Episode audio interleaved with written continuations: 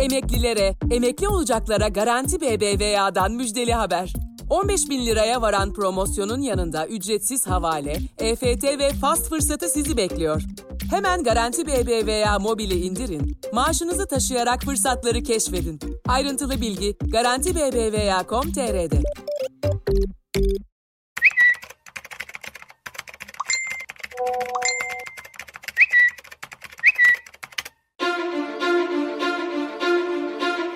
Sosyal medya Türkiye'de 52 milyon aktif sosyal medya kullanıcısı var. Çoklu baro uygulaması ve Ayasofya'nın ibadete açılması sonrasında şimdi gözler sosyal medya düzenlemesinde.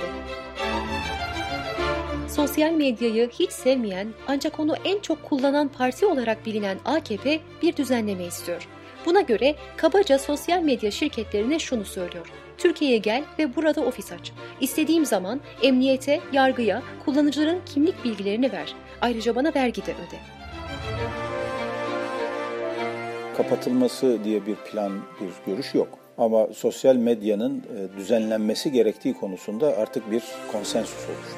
İbrahim Kalın böyle söylüyor ama sosyal medya mecralarından istenilenler kabul edilmezse karşımıza bant aralığı daraltılan yani %95 oranında yavaşlatılan bir milli internet gelecek. CHP Grup Başkan Vekili Özgür Özel'in bu konuya dair ilginç tespitleri var. Özel, Cumhurbaşkanı ağzından kaçırdı. Onların derdi bu firmaları Türkiye'den tamamen çıkarmak. Öyle bir düzenleme yapacaklar ki sosyal medya şirketleri Türkiye'den ayrılmak zorunda kalacak dedi. Hükümet düzenlemeyi bireysel haklar ve hukuk çerçevesinde sunuyor, konuyla ilgili Batı ülkelerinin modellerinin incelendiğini duyuruyor. Ancak uzmanlar asıl niyeti farklı yorumluyor. Türkinternet.com kurucusu yazar Füsun Nebil bu meselenin seçimle ilgili olduğunu savunuyor. Bunun temeli seçimle ilgili. Dijital yerli olarak tanımlanan 2000 civar doğan insanlar artık oy veren haline geldiler. Bunların 6.4 milyonu da ilk defa oy verecek. Ama sadece o kadar değil, toplam 16 milyon kadar genç insan var. Bunlar internetle doğmuş insanlar. Bunlara ilaveten orta yaş grubuna girmiş dijital göçmen diye tanımlanan ama hayatlarının merkezinde internet olan insanlar var. İnternet dediğimiz zaman sadece kullandığımız sonra unuttuğumuz bir şey değil. İnsanların hayat ve düşünce tarzını değiştirdi. 1990'lardan bu yana baktığımızda gördüğümüz yeni bir yaşam formu. Dijital nesiller bunlara orta yaşlılar da dahil benden ziyade biz diyorlar. 1991'de başlatılan Linux'tan 2010'larda yaratılan blockchain'e gelin. Hepsi ortaklaşa oluşturulan yapılardır. Sosyal medya da böyle bir şey. Çağın medyası.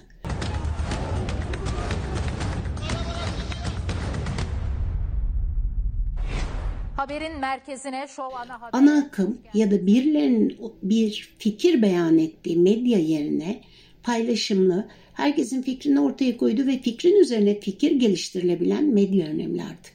Bu nedenle basılı medya ve interaktif olmayan televizyon kanalları yok oluyor. Yukarıda anlattığımız dijital nesiller bu nedenle haberlerini şu ya da bu iktidar tarafından esir alınmış ki buna media capture deniyor. Medyadan değil kendilerinde katkıda bulunduğu sosyal medyadan almayı tercih ediyorlar. Yine bu nedenle ilk defa yeni nesil anne babasının öğrettikleri yerine internetin öğrettiklerini takip ediyor. Bu da tahmin edeceğiniz üzere iktidar sahipleri açısından bir tehdit. Bakmak yasak ula. Ula it öyle. Bakmanın da yasağı mı olur? Yasaktır. Ağam emir vermiştir. Düşünce kuruluşu Freedom House'a göre Türkiye 2018'den beri internet özgürlüğünde zaten özgür değil kategorisinde yer alıyor. Türkiye'de pek çok haber sitesinin yöneticiliğini yapmış gazeteci Bülent Mumay, sosyal medya düzenlemesiyle AKP'nin istemediği haberlerin buharlaşacağını, yasa geçerse basını daha da kara günlerin beklediğini söylüyor. Sosyal medya mecraları üzerinde yeni yasal düzenlemeyle getirmek istenen ise artık e, kurbana son bıçak darbesini vurmak gibi bir şey. Çünkü e, Türkiye'de Eğer büyük medya kanallarınız, büyük dağıtım platformlarınız yoksa yaptığınız içerikleri dağıtmanın tek yöntemi sosyal medya üzerinden okurlarınızla buluşturmak. Dolayısıyla e, bugün sosyal medya kanallarını siz bizim kurallarımıza uymazsanız biz sizi bloke ederiz %95 oranında hızınızı yavaşlatırız demek aslında sadece o mecraları e, sınırlayan bir şey değil. Bu aslında iktidarın izin vermediği bilgileri ve iktidarın denetimi dışındaki içerikleri üretenlere biz size bunları kolaylıkla yaymanıza izin vermeyeceğiz anlamına geliyor. Bu otomatikman Türkiye'de bağımsız medyanın, Türkiye'de bağımsız kalmaya çalışan medyanın, iktidarın denetleyemediği %5'lik medyanın da e, ümüğünü sıkmak, boğazını kesmek, nefes almasını güç hale getirmek anlamına geliyor. Zaten nihai hedef de bu. Hukuki olarak veya işte ihalelerle veya büyük patronlarla yapılan hukukla düzenlenemeyen alan olan bu alternatif medyayı bu biçimde sıkıştırarak e, insanlara hakaret edilmesinin önünü alıyoruz veya kişisel özgürlükleri koruyoruz. Kızımıza başkalarına hakaret edilmesinin önüne geçiyoruz bahanesiyle aslında amaç e, alternatif medyayı tamamen etkisiz hale getirmek.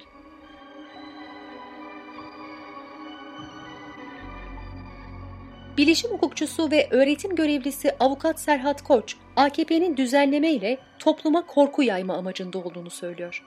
Genel olarak yapılmaya çalışılan şeyi ise özetleyecek olursam sürekli gündemde değişiklik düşüncelerini e, tutarak basına böyle şeyler sızdırarak e, hem bahsi geçen sosyal medya, büyük sosyal medya şirketleriyle arka planda işbirliği yapmak, onlarla yeni anlaşmalara varmak hem de halkın e, esasen yapılamayacak olan veya yapılsa bile uygulanamayacak olan bu tür düzenlemelerle e, bir şekilde bir korku imparatorluğunun içinde yaşamasını sağlamak. Peki sosyal medya mecraları Ankara ile anlaşıp sunucularını Türkiye'ye taşır mı?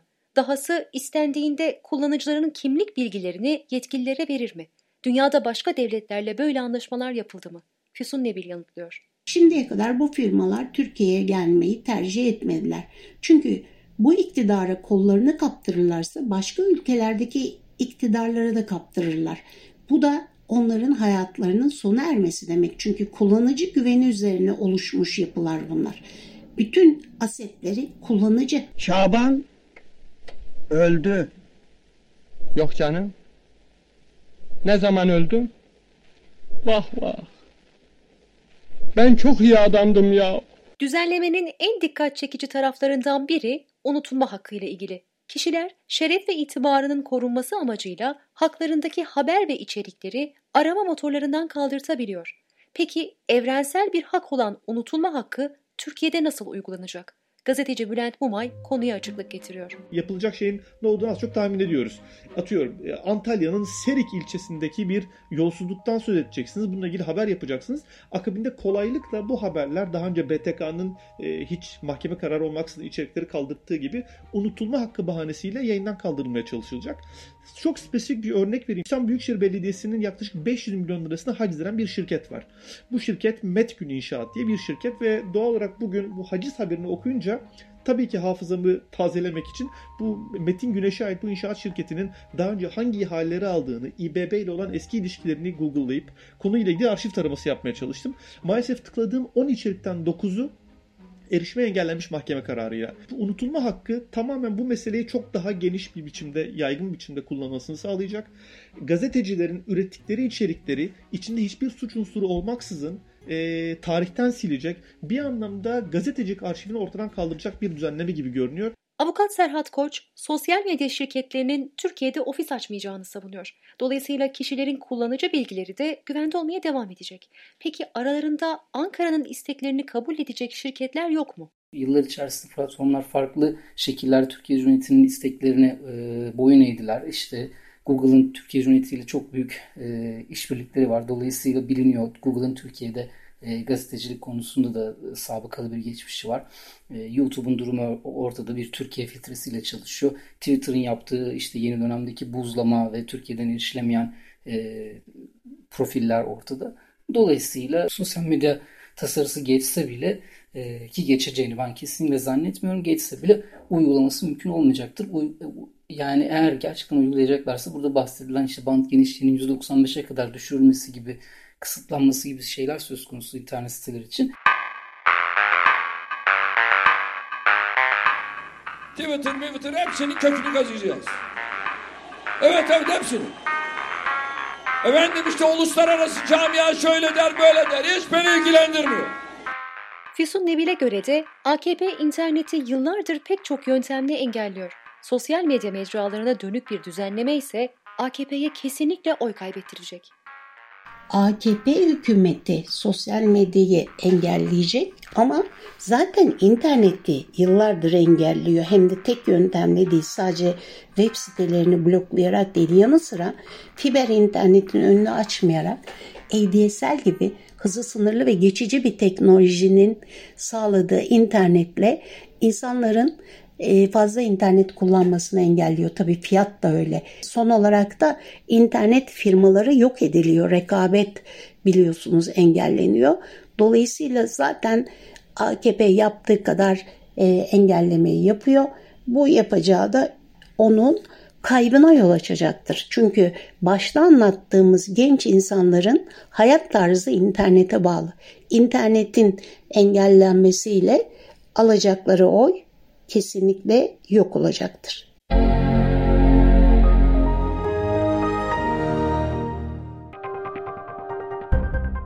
VPN sayesinde yasakların kenarından dolaşılabiliyor. Peki VPN en basit anlatımla nedir? Bilişim uzmanı Tansu Günay açıklıyor. VPN bir bağlantı teknolojisidir. Sanal özel ağ anlamına gelir. İnternete bağlanmak istediğimizde önce uzaktaki başka bir bilgisayara yani VPN sunucumuza bağlanıyoruz. Böylece bu sunucu üzerinden internete çıkıyoruz ve bu sayede aramızdaki iletişim tamamen şifrelenmiş ve özel bir bağlantı oluyor. Dışarıdan üçüncü bir parti bunu göremiyor, görse bile çözemiyor.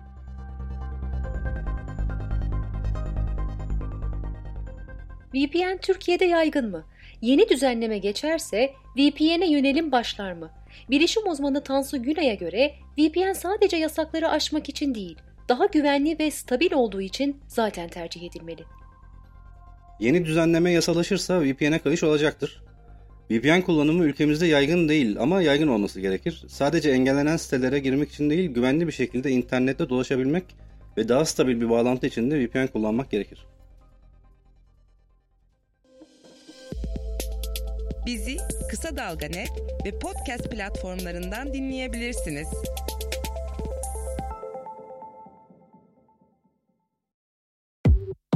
Emeklilere, emekli olacaklara Garanti BBVA'dan müjdeli haber.